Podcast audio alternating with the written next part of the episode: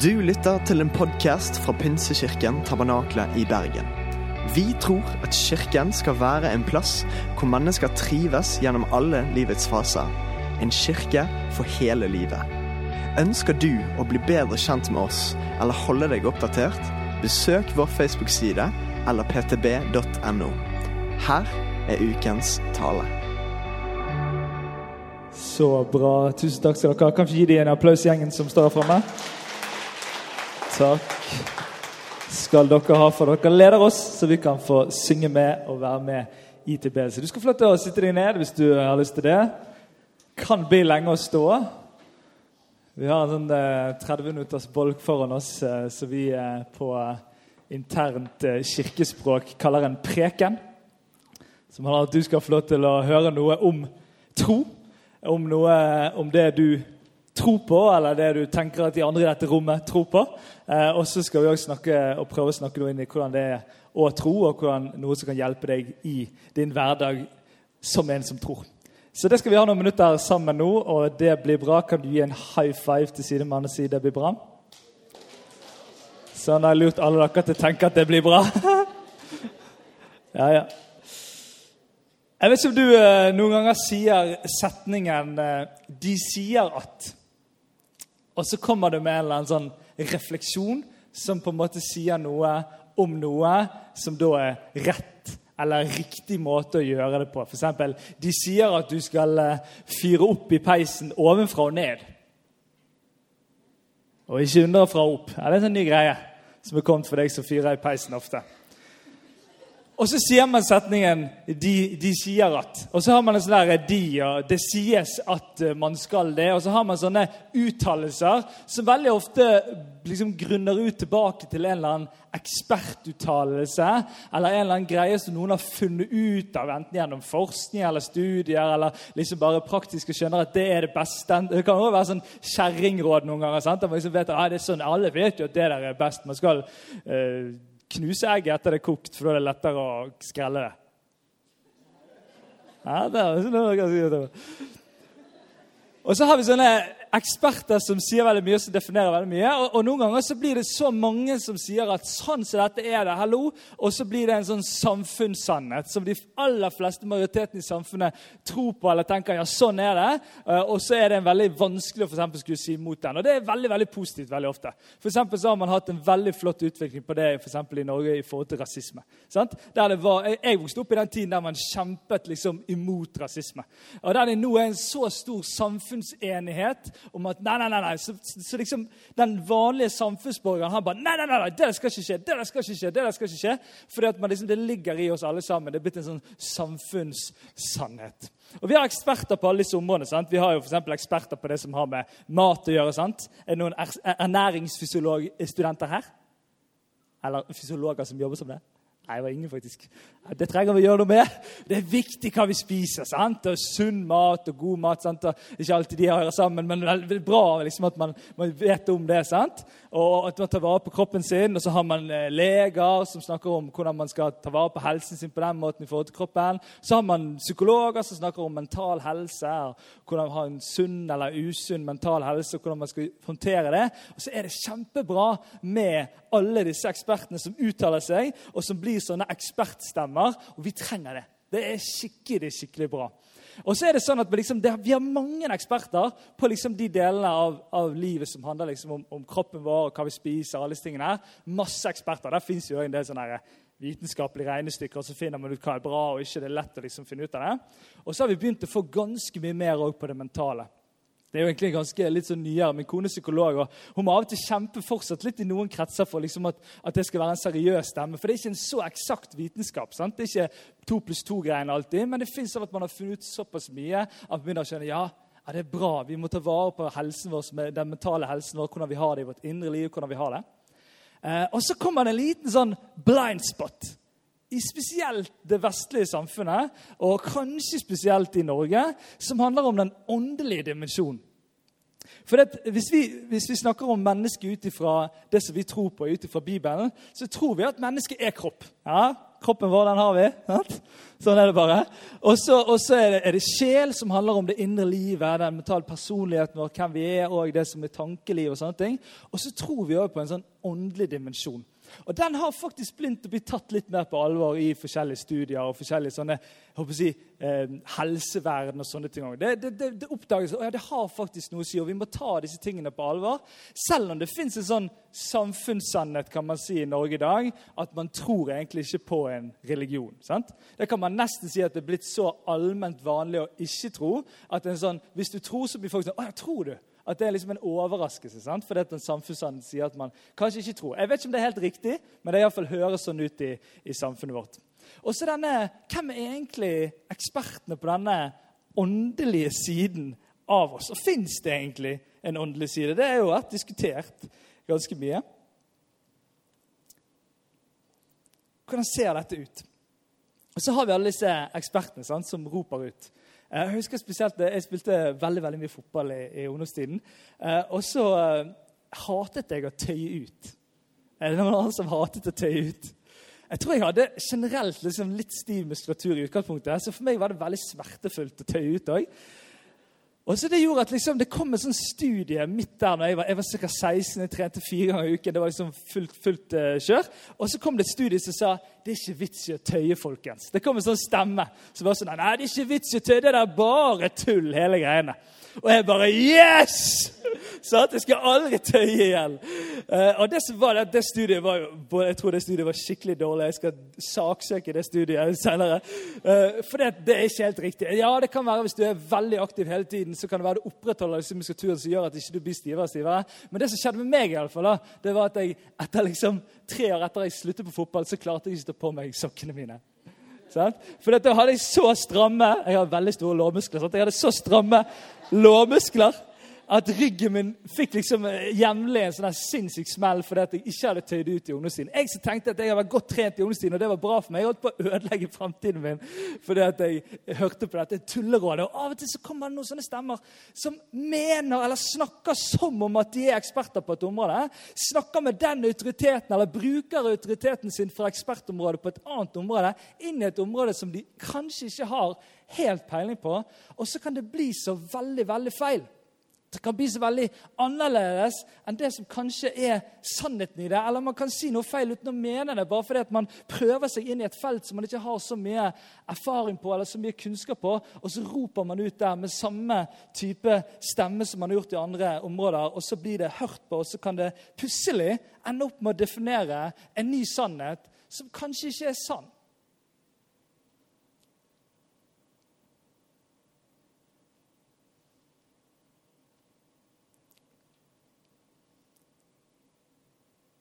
Det finnes så mange dyktige mennesker på kropp, på mental helse i vårt samfunn. Men med en gang det kommer til tro og den åndelige dimensjonen, så er det ikke alltid at ekspertene har samme bakgrunn eller erfaring når de prøver å si noe inn i det.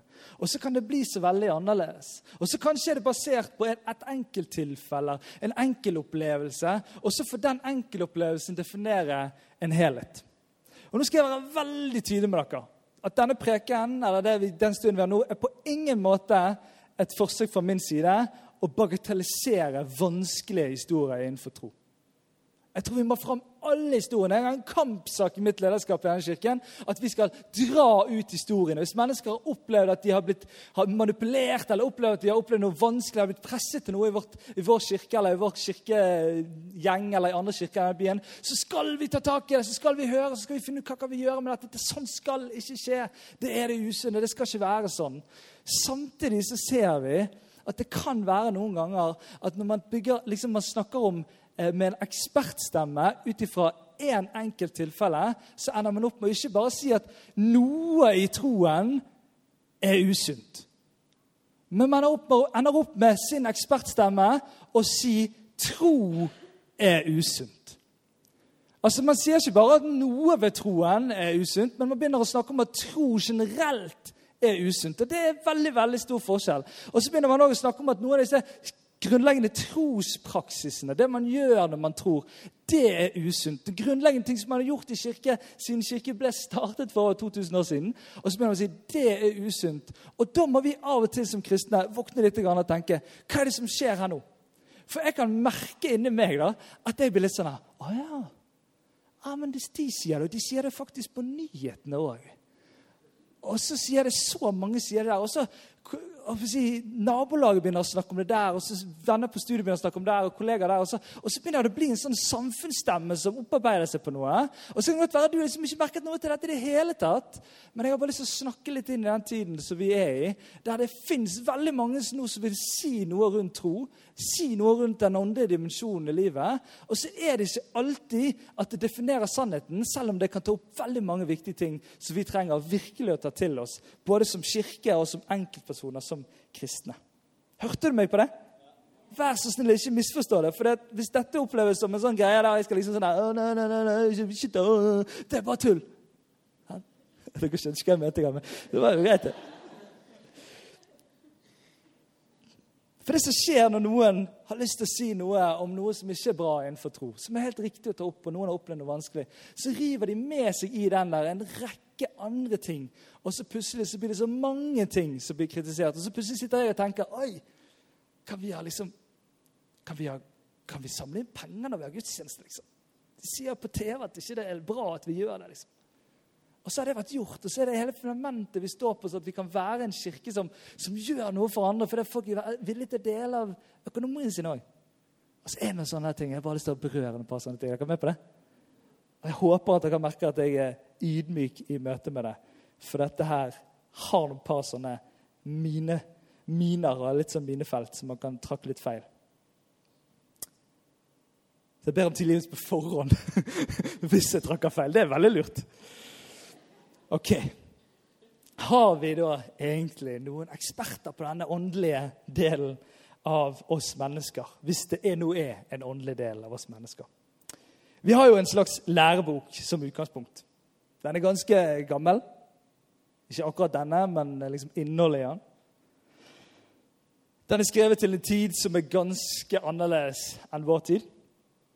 Eh, og eh, noen, mange faktisk, har prøvd å komme med oppdateringer eller tilleggsopplysninger eller tilleggsgreier på denne, og det har ikke alltid funket så veldig bra. Det er dette vi har. Og Forfatteren av boken hevder å faktisk ha skapt mennesket og hele jorden. Det er Gud sjøl, sies det. Og vi som har prøvd å lære oss denne læreboken, sier på ingen måte egne sannheter når vi snakker ut ifra den. Vi leter etter sannhetene i denne boken som utgangspunkt for å si noe sant om mennesker og noe sant om Gud. Vi er ikke nye eksperter som kan kritisere gründeren Jesus Kristus. Eller som kan kritisere liksom, opphavsmannen og si liksom, ja, det var bra, dette her, men akkurat på dette området så opplever jeg at det var litt sånn. Altså, Vi kan ikke gjøre sånn som man kanskje kan gjøre i andre typer livssynssituasjoner, eller lærer man lærer ting liksom, man oppdaget et fagfelt, så kan man liksom gå tilbake og si ja, det var mye bra han der første fant ut, men etter hvert så skjønner vi at det var noen blindspots her. Sånn. Vi, vi, har ikke helt den muligheten. For det er dette vi har. Og det høres ikke alltid så veldig bra ut med ører fra 2019. Men sånn er det. Vi skal møte en fyr. Og han er ekspert i sitt samfunn i sin tid. Han er eh, religiøs leder. Han er med i rådet som leder det religiøse. Det religiøse var ikke bare liksom en liten greie, det, var, det preget det stedet. Det var en majoritet. De gjorde, hadde ansvar for veldig mye greier. De var sånne samfunnsstemmer, sånne eksperter som snakket ut, og som skapte nye normer eller verdier og var med å sette denne standarden. Og det kommer en mann. Han heter Nikodemus, og han oppsøker en ny stemme. En ny stemme i den tiden han lever. En stemme som plutselig har begynt å blogge litt. eller Som plutselig har begynt å si ganske mye greier. Og så er det noe av det som er sånn Wow, hva er det her for noe? Mm, det er et eller annet. Og så er det noe av det som er sjokkerende, og som rører opp under hele greiene som vi holder på med på denne tiden. Og så går han på mørkeste natten. Det er et ganske tydelig signal om at han er litt Usikker på om han egentlig har lov til å gjøre denne praten. Jeg vet ikke om du, noen hvis du skjønner Det altså nå er ikke vi så, det er jo mørkt hele tiden, men han går altså ut på natten for å oppsøke, for å oppsøke, for å ikke bli sett. For at han er litt sånn oh, Hva er dette greiene her? Og det er ikke alle som mener det samme om det. Og så går han og møter denne nye influenseren, eller denne nye stemmen. Det var voldsomt så relevant jeg var i dag. All right. Johannes 3, 1 til, 1 til uh, 7 skal vi lese. Det var en mann som het Nikodemus. Han var fariseer og en av jødenes rådsherrer. Han kom til Jesus om natten og sa, 'Rabbi', det betyr lærer, 'vi vet at du er en lærer som er kommet fra Gud.' 'For ingen kan gjøre de tegnene du gjør, uten at Gud er med ham.' Jesus svarte, 'Sannelig, sannelig, jeg sier deg, den som ikke blir født på ny, kan ikke se Guds rike.' Hvordan kan en som er gammel, bli født? sa Nikodemus. Nå håper jeg på ingen måte at Nikodemus har sett en reell fødsel. For det kan være tilfelle han ikke har gjort det. For kan noen komme inn i morslivet igjen og bli født for andre gang? Han befales ikke. Det går ikke an. Jesus svarte, 'Sannelig, sannelig, jeg sier deg:" 'Den som ikke blir født av vann og ånd, kan ikke komme inn i Guds rike.' 'Den som er født av kjøtt, er kjøtt.' 'Men den som er født av ånd, ånden, er ånd.' Undre deg ikke over at jeg sa til deg, dere må bli født på ny. Her er det jo eksperten som møter en ny ekspert. og Han prøver å forstå det med sin ekspertbakgrunn og ender jo litt gale i hele denne refleksjonsrunden sammen med Jesus. Men han stiller spørsmål, og ikke vet han at han stiller spørsmålet inn i noe som er i den åndelige verden, til den største åndelige eksperten. Ikke vet han at han står og snakker med en som er fullt ut menneske, men òg fullt ut Gud. Og så får han en prat med Jesus. Men det er noe her Jesus prøver å forklare. At det kan virke som at det er noe som er av troen eller den åndelige dimensjonen som er skjult for mennesker før de blir en kristen eller før de får en ny ånd på innsiden som gjør at de er en troende som tror på Jesus. Så En kristen. Altså Det fins en, en, fødsel av en ny ånd. Det står ikke noe om at vi ikke hadde ånd før det. Det står noe masse også i Bibelen om en menneskeånd som vi har. Men man får på en måte en, sånn, en ny fødsel av en ånd som da gjør at man kan se, eller at man kan forstå, eller at man kan oppleve eller erfare. Og dette er jo tidenes liksom, sektargument noen gang i hele verdenshistorien. Det er å si sånn Jeg skjønner at ikke du skjønner noe, men hvis du bare blir som oss, så forstår du det. Du, du, det, er jo, det er sykt mange sekter som har brukt denne greia. Så det sånn, Jeg skjønner at du syns vi er helt crazy. Bare kom her og bli med, og så skal du skjønne etter hvert at det egentlig er sånn. Og jeg alltid tenker sånn, Det er jo tidenes sektargument. Det er jo helt håpløst. Er det sånn vår tro er, så er det faktisk sånn vår tro er. Bare at det er ikke en sekt. For det òg har vært en stemme eller noe i samfunnet vårt som har blitt ropt ut litt. At med en gang man er i en litt mindre religiøs kontekst eller sammenheng eller gruppe, så er det en sekt. Og så snakker man i Norge om det. og for har man Pinsebevegelsen blitt litt kritisert i det siste. Sant? Både gjennom en film på kino og litt sånne ting. Eh, og så snakker man om det som en sånn liten greie, så skjønner man ikke at i hele verden der er det veldig stor bevegelse av, av pinsebevegelsen. Sant? Men i Norge så er vi en religiøs minoritet. Og så begynner man nesten å hive ut sektbegrepet på alle som samles i litt mindre grupper som tror på noe. Og da er det litt viktig at vi liksom våkner hva, hva, er en sekt? Hva er det de mener når de sier det? Er det riktig? Skal vi, skal vi akseptere oss som en sekt? Ja, vi er en religiøs mindre eh, minoritet som, som, tror på noe sammen. Ja, kanskje. Og så bare nei! For det ligger så utrolig mye forferdelig i det begrepet sekt som vi ikke er. Og La meg bare ta en liten sjekkliste som vi ikke har, som definerer en sekt. All right? Dette er ikke en forsvarstale, det er en forklaringstale. All right. Eh, for eksempel er en sekt definert, sekt, sekt definert av at hvis du prøver å forlate det, gå vekk fra det, så blir du veldig ofte sanksjonert eller en form for straff. F.eks. kan familien vende ryggen til deg, eller de folka i kirken si nei, nei, vil ikke ha noe med deg å gjøre lenger. Eller man kan også liksom virkelig støte ut fra samfunnet. eller sånne ting. Det fins en sånn sanksjonstankegang. Den fins ikke i vår tro. Det fins en sorg og en lengsel etter at de som går vekk, skal komme hjem igjen. Men det fins ingen sanksjon. Det fins ingen straff på den måten.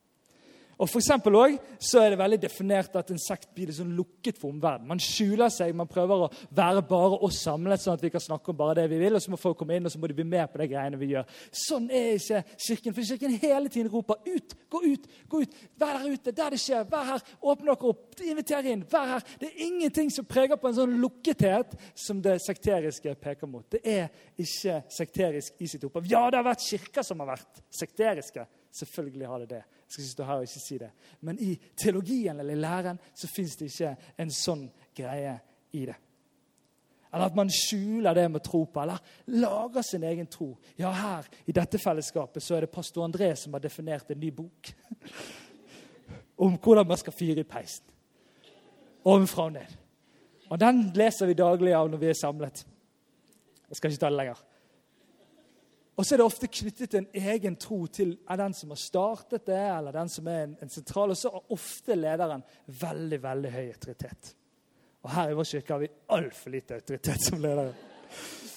Eller, vi har demokratiske strukturer, alle disse tingene, sant? men der ofte lederen kan autoritært styre på en usunn måte og gjøre litt hva den vil. Det er også ofte en sånn checkpost i sektene. Hvorfor sier jeg dette til dere? Hvorfor sitter jeg og snakker om at vi ikke er en sekt? Jo, fordi at vi trenger å lære oss opp til å forstå at liksom, vi må ikke sluke alle disse stemmene som roper rundt omkring. Og så må vi noen ganger lære oss å avsløre dem, sånn at vi lærer oss å høre på det vi trenger å høre på. For det er noen av disse samfunnsstemmene vi trenger å høre på, som gir sunn og god kritikk til oss som religiøse sammenhenger, vi som tror, eller hva det skulle være. Og så må vi sortere litt. Og da trenger vi av og til å lære oss å stå litt stødig og kunne sortere. All right?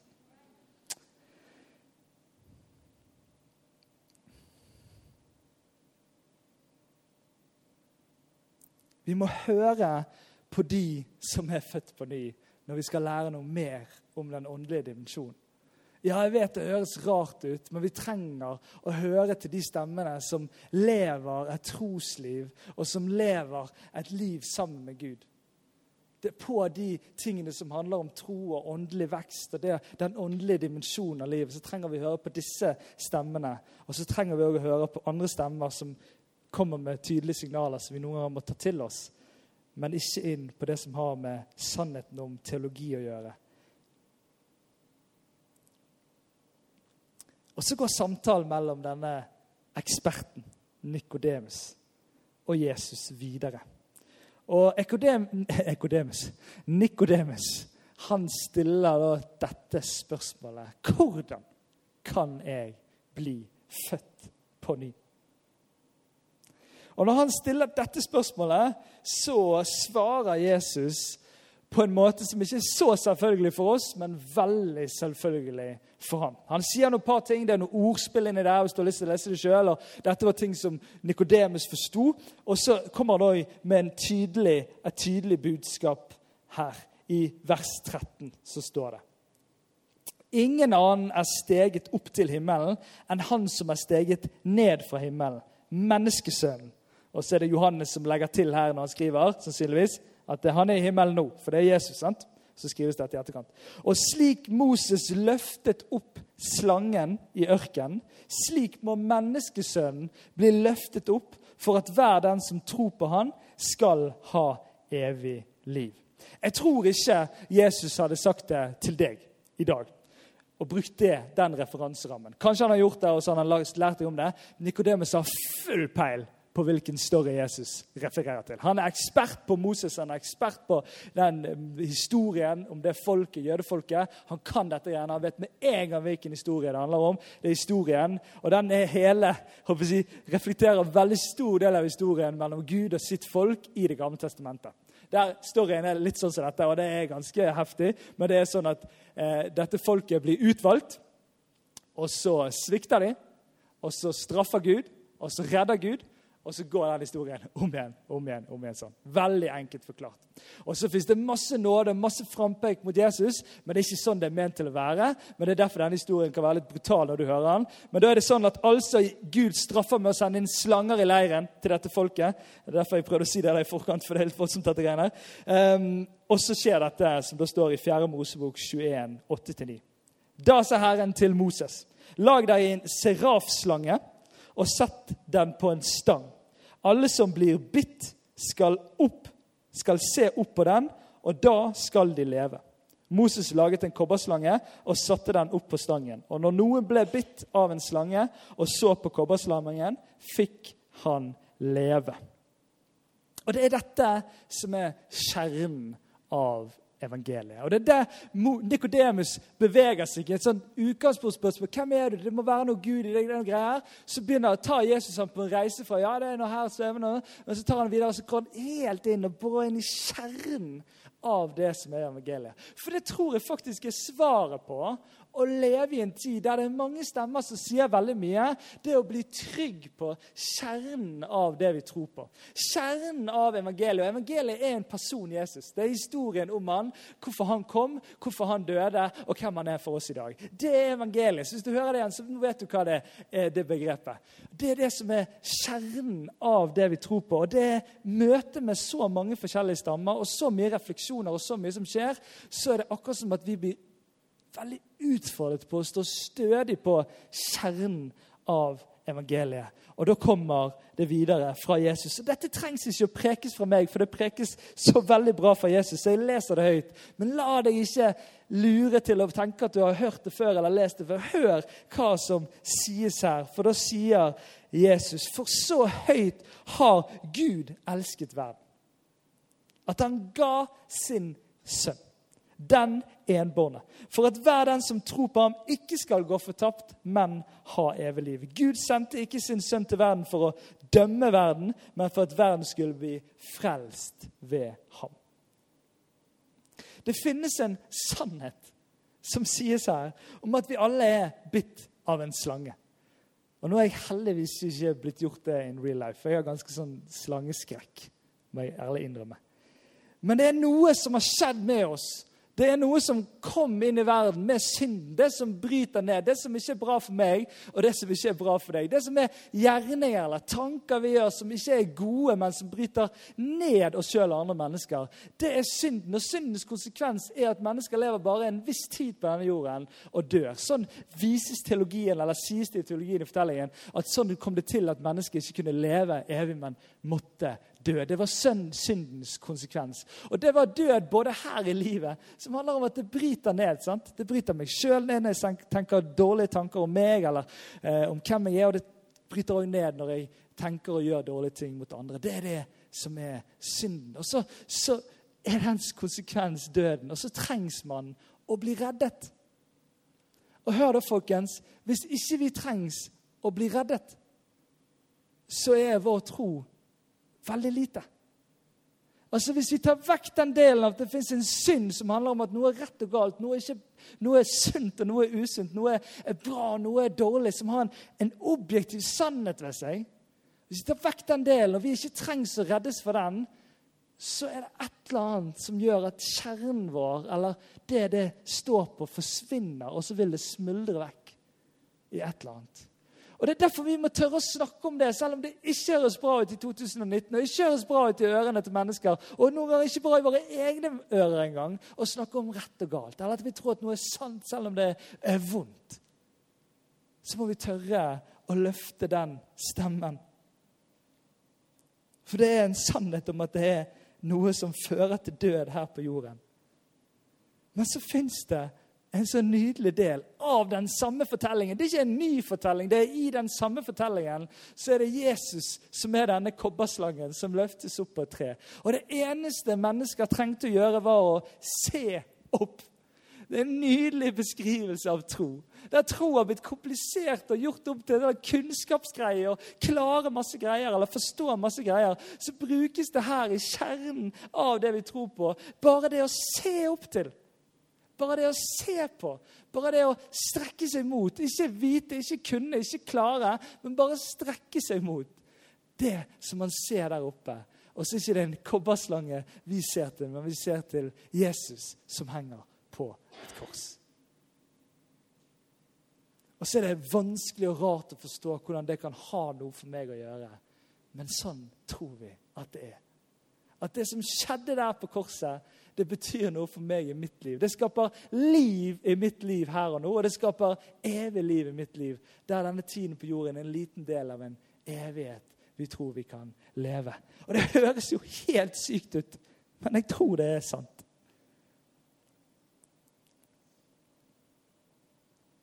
Det er en kjærlighetshistorie der man elsker så høyt at man gir alt for at det skal bli sånn som det er ment til å være. Og så lever vi med denne fortellingen, Jesus-fortellingen, evangeliet. Og så lever vi midt i en tid der spørsmålene hives ut.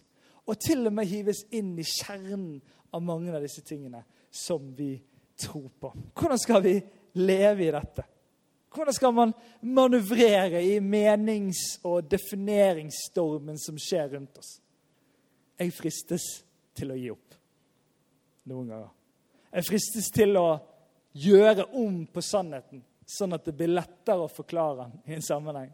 Jeg fristes òg noen ganger til å legge sannheten til side og si greit, det, dette er min greie, det er din greie. Så, så bra for deg. Som en sånn nydelig setning vi kan si. Det hører jeg faktisk ganske ofte når jeg sier til en kristen. Så bra for deg. Ja, ja det er jo det. Så, Innen den subjektive delen der det blir litt sånn at, det blir så trygt og godt, for jeg kan liksom bare liksom ikke bry meg. Jeg kan bare liksom slappe av med meg. Eller noen ganger så kan jeg til og med fristes til å Det virker litt enklere å bare legge alt til side.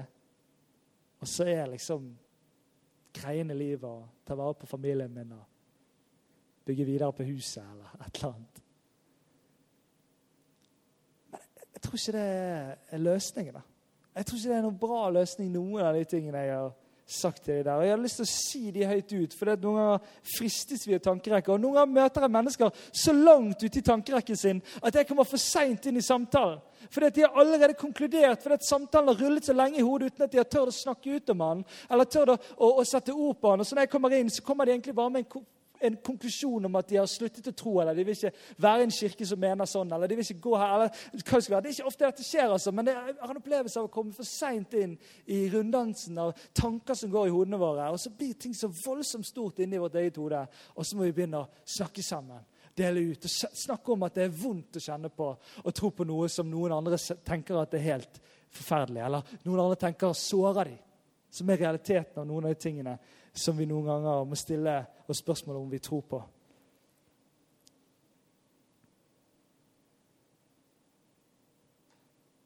Jeg tror på Jesus som den største og første eksperten.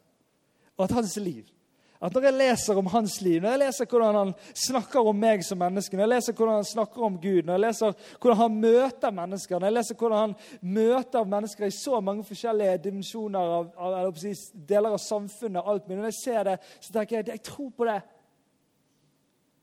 Jeg klarer ikke å si sånn Hei, Jesus, her liksom, her er det et eller annet som skurrer. Det er ikke noe sånt der. Ja, det er noe vanskelige sider. Og det er noen par ganger jeg tenker hei, Jesus, der var ikke du så koselig. Men allikevel så er det noe som står fast. Og det er denne hele fortellingen av både nåde og sannhet. Ikke en utvasket nåde som sier alt er greit, alt går bra. Ikke tenk på det. Det går så fint, så eh, Vi går så bra til slutt. Der, sånn, det, det, høres så fint ut, men så har den ikke noe fundament. Og heller ikke den harde sannheten som driver banker inn rett og galt i mennesker uten kjærlighet fra Gud og for mennesker. Ikke to sånne fortellinger. Så fort blir liksom det vi hører nå når det ropes litt i forskjellige kanaler, så er det plutselig de to alternativene vi har. Og så tror ikke vi på to fortellinger som er så forskjellige. Vi tror på én fortelling som står midt i her, som sier at, at vi trenger rett og galt. Vi trenger å forstå at det fins noe i oss som gjør noe som ikke er bra, som ikke er godt for oss andre mennesker. Og trenger vi redde for, reddes for det. Og det er allerede ordnet opp i fra Jesus og fra i historien som vi står i. At vi får ta imot noe som allerede er gjort for oss. Det står om Jesus i Johannes 1. Ordet ble menneske. Og ordet her i denne konteksten er Jesus i en litt sånn poetisk sjanger. Og tok bolig blant oss. Og vi så hans herlighet. En herlighet som den enbårne sønn har fra sin far. Full av nåde og sannhet. Full av nåde og sannhet. Det er evangeliet. Det er fortellingen om Jesus. Og hør da, folkens. Denne historien har vært ute en vinternatt før. Det er ikke sånn at det er første gang liksom, vi lever i den tiden. Det er første gang noen tør å stille spørsmål ved liksom, denne troen, og at ikke den er allmenn. Liksom. Den har vært ute en vinternatt før. Den troen har blitt avskrevet, den har blitt avslørt eller ment å være avslørt. Den har blitt liksom bekreftet eller som utryddet. Folk har sagt det høyt ut som samfunnsstemmer i forskjellige tider. Det har vært ropt ut at nå er det over, this is over, nå er vi kvitt de der. Det er over. Og så er det aldri det. Og så er ikke det tilfellet i dag at vi er på kanten av det. Vi er heller på kanten av Eller vi er over kanten av Det har aldri vært så mange som tror i vår verden noen gang som i dag. Denne fortellingen tåler livet ditt. Denne fortellingen tåler å bli stilt spørsmål. Denne fortellingen tåler en film på kino. Denne fortellingen tåler disse tingene. Det som jeg av og til er redd for, er at vi stiller oss litt på siden av fortellingen, og så tåler ikke vi det. Fordi at vi glemmer å stå liksom inni fortellingen. Vi det oss stilles oppå det som er nåde og sannhet. Fundamentet som tåler alle disse reisene. Som tåler den personlige stormen som ruver når noen nærer deg dør. Eller når noe skjer i livet som du aldri kunne forutse. Eller som tabber du gjorde som ødelagte så mye i av disse personlige historiene. Så tåler kjernen av evangeliet dette. Vi må bare stille oss inn i det og leve i det. Og på ingen måte fristes til å stille oss på utsiden, for selv om det noen ganger er litt ubehagelig å stå midt inni her. Ikke stress med alle stemmene.